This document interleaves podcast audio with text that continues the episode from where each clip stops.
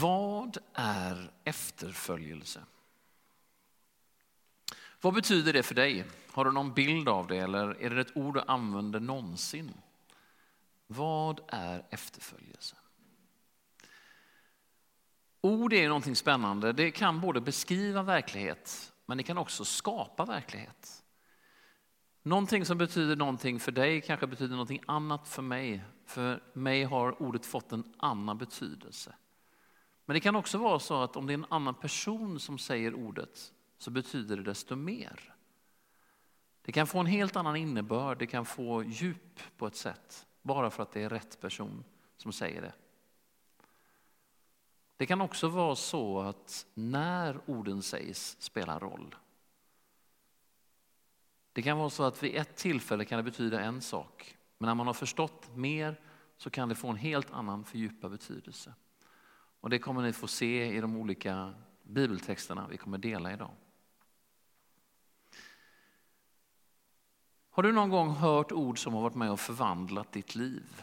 Ord som har förändrat hur du ser på dig själv eller ord som har förvandlat dig, som har gjort någonting med dig. Jag kommer ihåg min tränare Peter en gång på, mitt under en viktig handbollsmatch gick fram till mig alldeles inför det avgörande frikastet. Och så la han armen om mig och så gav han mig bollen och så sa han, jag tror på dig Daniel. Och så lät han mig lägga den sista frikastet som skulle avgöra matchen och turneringen. Jag var nervös när jag sköt, men jag gick därifrån med sträckt rygg. Jag tror på dig. Tänk vad viktigt det är att få höra de orden och få se det i någons människas ögon att det är sant. Att det är någon som tror på dig och som vågar lita på dig. Jag kommer ihåg när Oskar, när vi gungade en gång för länge, länge sedan när jag var typ fem år gammal på baksidan av vårt hus. Så frågade han mig, vill du bli min bästa kompis? Jag kommer ihåg det precis var jag var någonstans, precis vad som var i gungan. Jag kommer också ihåg att det hade varit självklart för mig att säga ja bara några dagar tidigare. Men just den söndagen hade jag varit i söndagsskolan och fått lära sig att man kunde få ta emot Jesus som sin bästa kompis. Och det kommer jag ihåg att jag hade gjort. Så när jag talar om för Oskar att nej, jag har redan en annan bästa kompis. Då blir han så förvånad så han på att ramla av gungan. För vi umgicks ju hela tiden. Det var ju jämnt han och jag. Det viktigaste och svåraste var ju vem skulle vi följa med hem efter dagis? Var det han eller till mig? Och sen så berättade jag för honom att jag hade Jesus som min bästa vän. Och det hade han ju anat förstås, att så kunde det vara. Så vi kom fram till att vi kunde vara näst bästa kompisar. Men så viktigt var det för mig redan då på något sätt. Och så viktigt kan ord vara för oss. Jag kommer ihåg första gången jag hörde någon säga pappa och mena mig. Det var ett otroligt stort ögonblick. Josefina som hade gått från att säga tack, det var hennes första ord, till hennes andra ord kaka. Och sen kom pappa. Det gäller att ha prioriteringarna rätt här i livet. Men hur otroligt mycket det betydde för mig. Och vad det verkligen än idag kan få mig att reagera. Jag kommer ihåg första gången som jag vågade säga orden, de här otroliga orden, de här stora orden. Jag älskar dig till någon annan. Jag kommer ihåg precis var jag satt någonstans, jag kommer ihåg exakt hur nervös jag var. Jag ska inte avslöja vad hon hette. Men det var, ah, det var så stort för mig. Och alla de här olika tillfällena som vi har i livet, ibland kan orden få en brinnande betydelse för oss. Ibland kan de göra oss till någon annan. Jag tror aldrig jag känt mig så mycket som en pappa som den dagen då Josefina sa pappa till mig första gången. Jag tror aldrig jag varit så glad över att höra några ord uttalas som när Jonathan sa pappa till mig. Det är fantastiskt och stort. Ord kan både beskriva en verklighet, men det kan också skapa en verklighet. Ni hörde orden som sades från Matteus fjärde kapitel. Där Jesus går omkring längs med en sjö och så ser han några fiskare. Han känner dem naturligtvis bättre än de känner sig själva. Och så, så håller han sin långa predikan för dem. Kommer ni ihåg den? Han korta predikan är bara två ord, den kan ju alla konfirmander lära sig. Ni ser mer luttra ut så ni får den långa. Kom och följ mig. Jag ska göra er till människofiskare. Och den utmaningen, den inbjudan han gav där, fick dem att våga lämna näten. Jag tänker att vi ibland i kyrkan missuppfattar de där sakerna och det är orden som Jesus säger.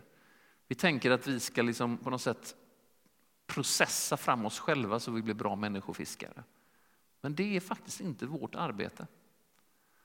Om ni lyssnade noga på texten så var det inte alls det Jesus inbjöd oss att göra. Han säger inte till oss, bli bra människofiskare. Det sa han aldrig. Han sa, kom och följ mig så ska jag göra er till människofiskare.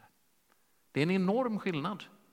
Vår uppgift är att följa Jesus så kommer han att vara med och förvandla dig och mig på vägen. Det där var det första mötet med Jesus. Då kände de inte honom. Kanske hade de hört talas om honom och tillräckligt nyfikna var de i alla fall för att våga följa efter honom. Modiga lärjungar, eller hur? Nu har det gått ett par år tillsammans. Nu har de fått vandra tillsammans och de har fått lära känna Jesus. De har fått se honom göra fantastiska under. De har fått sitta nere vid lägerelden med honom på kvällarna. De har hört honom förklara liknelser som har fått deras hela liv att vändas upp och ner på. Han har fått höra, de har fått höra honom berätta om vem Gud är och hur han är. Och nu i den här texten i Matteus 16 så händer det någonting. Nu har de fått vara med och vandrat med honom länge och de har fått höra honom berätta. Nu är det plötsligt han som frågar dem någonting. Det står så här Matteus 16 och framåt. När Jesus kom till området kring Caesarea Filippi frågade han sina lärjungar, vem säger människorna att Människosonen är? De svarade, somliga säger Johannes döparen, men andra säger Elia och andra Jeremia eller någon profet. Och ni, frågade han, vem säger ni att jag är? Simon Petrus svarade, du är Messias, den levande Gudens son. Då sa Jesus till honom, salig är du Simon Barjona, ty ingen av kött och blod har uppenbarat detta för dig, utan min fader i himlen. Och jag säger dig att du är Petrus, klippan, och på den klippan ska jag bygga min kyrka, och dödsrikets portar ska aldrig få makt över den. Nu när de känner Jesus, nu när Petrus och de andra lärjungarna har fått gå med honom under lång tid, nu ställer han frågan. Det är så lätt att vända ordning på det här. Men nu när de har lärt känna Jesus, de som vet vem han menar när han säger människosonen. Nu får de frågan. Och då hör vi Petrus svar. Det här är på något sätt liksom Petrus gyllene tillfälle. Han har liksom kommit fram till, han har förstått att Jesus är inte vem som helst. Han är inte bara en profet, han är inte bara någon av de som har kommit före. Han är, han är den levande Gudens son. Han är Messias, han är den de har väntat på. Och så vågar han också säga det. Petrus blir också bekräftad av Jesus på ett fantastiskt sätt här. Han säger, du är Petrus, alltså du är klippan. Han får till och med ett nytt namn som säger någonting nytt om vem han är. Han som innan har kallats Simon blir nu Petrus. Han blir klippan. Den här bekännelsen han ger är grunden för den kristna kyrkan än idag. Du är Petrus klippan. Jag tänker att det här är nästan liksom höjdpunkten på lärjungens liv. Det har gått så bra och det, allting är bra. Och sen så direkt efter det så kommer vi in i ett svårt och krångligt ställe. Och, och det är liksom det som händer mellan det här stora ögonblicket och dagens evangelietext. Men jag tänker att jag vill inte undanhålla er det, för det är precis så här svårt som livet kan vara. Alldeles från den här sköna högtiden när du själv har förstått vem Jesus är, kanske vågat säga det för första gången, när allting känns så bra och så tydligt. När Petrus får höra, du är klippan. När han har blivit bekräftad av Jesus inför alla. Vad händer då? Jo, det som ofta händer med oss, så kanske har du varit med om det också, Att när man själv äntligen har förstått något och verkligen kan något, då går man i egen kraft. Och det är just det Petrus gör. För Jesus börjar nämligen förklara för lärjungarna och alla andra att han kommer att behöva lämna sina lärjungar. Han kommer behöva bege sig till Jerusalem och han kommer behöva lida mycket för den han är. Han kommer bli utlämnad och dödad. Han kommer bli uppväckt. Och när han berättar detta för lärjungarna, alldeles efter Petrus bekännelse här, så är det precis som att Petrus tar mod till sig och så säger han, nej, må Gud bevara dig Herre, något sådant ska aldrig hända dig. Alltså han, han liksom på något sätt rättar till det, eller äh, så illa behöver du inte bli. Och då reagerar Jesus på ett, första gången jag läste detta studsar jag till. Samma person som han precis har kallat klippan kallar han nu för Satan. Satan är hebreiska och betyder motståndare. Han säger ordagrant så här. Håll dig på din plats Satan. Du vill få mig på fall för dina tankar är inte Guds utan människors.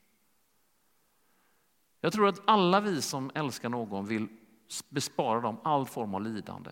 Men Jesus hade en annan väg att gå. Och när Petrus försöker tillrättavisa Jesus och säger nej, nej, må allt gå väl med dig, du kommer inte att hämna detta. Vi skyddar dig. Så vet inte han att han går helt fel håll. Och Jesus tillrättavisar honom på ett sätt som är väldigt hårt, men kanske nödvändigt.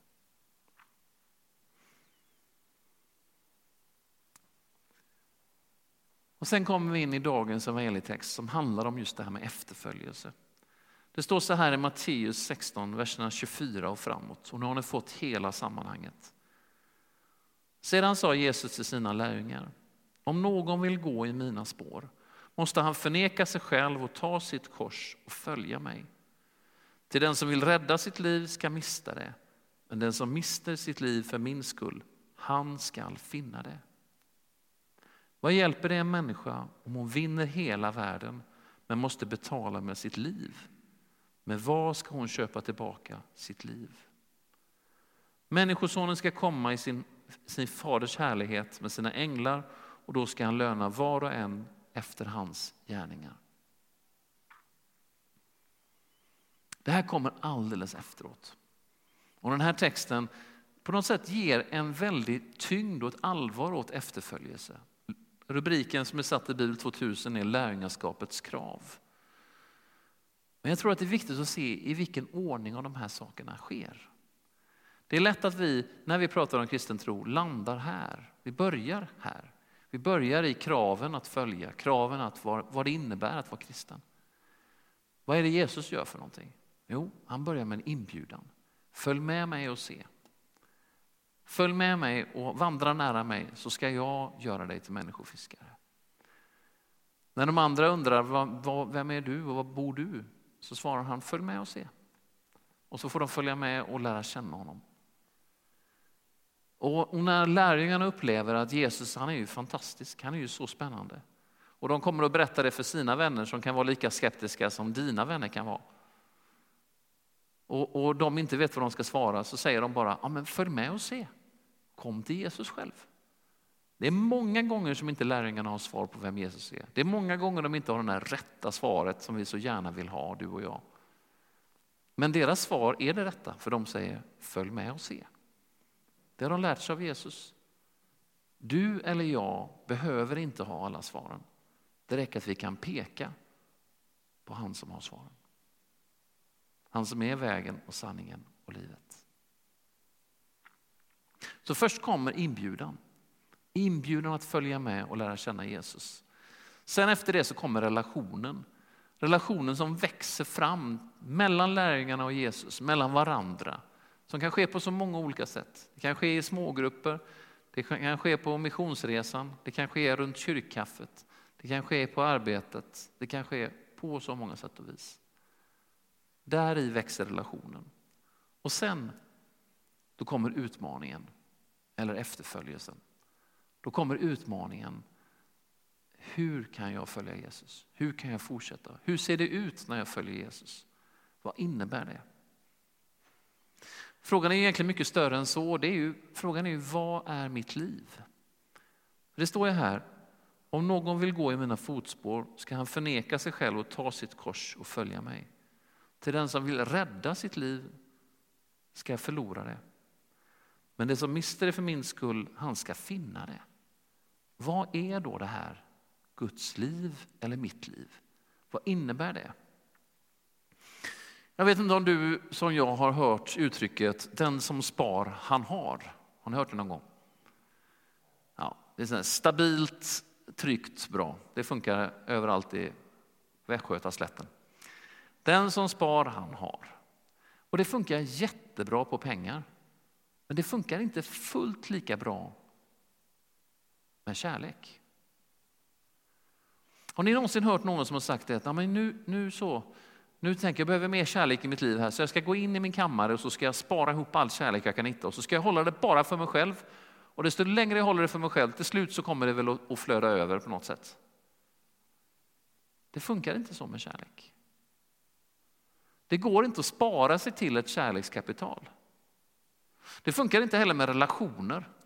Det går inte att säga att ja, det här med relationer är svårt, jag får nog hem och så får jag tänka riktigt länge och sen får jag spara ihop till riktigt många bra relationer. Och sen när jag har det, då kan jag gå ut och så kan jag dela med mig av de där relationerna. Kärlek lika fullt som relationer går inte att spara sig till. Du måste förlora det, du måste ge det, du måste dela det för att det ska växa. Och vi är så vana vid att de sakerna som är värda att ha, de är värda att spara. Och så tänker vi ibland att vårt liv funkar ungefär som pengar. Det gäller att hålla hårt, det gäller att hålla tag i det. Den som spar, han har. Men det är inte sant om Guds rike. Och det är inte sant om relationen till Jesus. Det finns inget bättre sätt att få tag på den relationen än att ge det vidare. Det finns inget bättre sätt att få kärlek än att själv ge det. Sen är det ju så med oss människor att ibland så förväntar vi oss kärlek där vi själv inte har gett det. Och då blir det ofta väldigt svårt att få det. Om jag skulle gå fram här till Rune och be honom om mina bilnycklar så är det väldigt stor sannolikhet att han skulle kunna ge mig dem. För han har dem inte. Jag har aldrig gett dem till honom. Men om jag berättar för honom var de låg någonstans, eller om jag ger dem till honom så han får låna dem först, då finns det en väldigt stor chans att han vill ge det vidare och i bästa fall till mig då. Så jag kommer hem. Men ibland beter vi oss med kärlek som det är någonting vi måste hålla fast vid. Det är någonting vi måste liksom, ja, spara in. Medan det i själva verket är precis tvärtom. Och jag tror att det är sant för det Jesus säger här också. Om vi tror att vi kan liksom spara oss till Guds rike eller om vi tror att vi kan liksom hålla fast vid det så, så kommer vi gå vilse. Kärlek, Guds rike och relationer, det vinner vi när vi ger det vidare. Vad är då efterföljelse? Ja, det är ju precis som det låter. Hade jag för 20 år sedan pratat här om följare och så, så hade de flesta tänkt, vad är det? Den pratar om följare idag? Nu, nu, finns det överallt på sociala medier och man kan räkna hur många följare man har och så vidare. och så vidare. In i all evighet kanske. Men efterföljelsen det handlar om vem jag väljer att följa. Och hur jag gör det. Och från den första inbjudan som Jesus gav till sina lärjungar och som jag också tror att han ger till oss än idag så handlar det om att vi får välja om vi vill följa honom, efterlikna honom, härma honom, ta rygg på honom, be om hjälp för att bli mer lika Jesus. Det är vad efterföljelse är för någonting. Det är generositetens väg, kärlekens väg. Och det är en helt annan väg än världens väg. Och jag tror det är det Jesus försöker säga i den här evangelietexten. Den som ger sitt liv kommer att finna det. Den som ger av sitt liv kommer att finna meningen med livet. Den utmaningen, den får vi följa på efterföljelsens väg. Amen.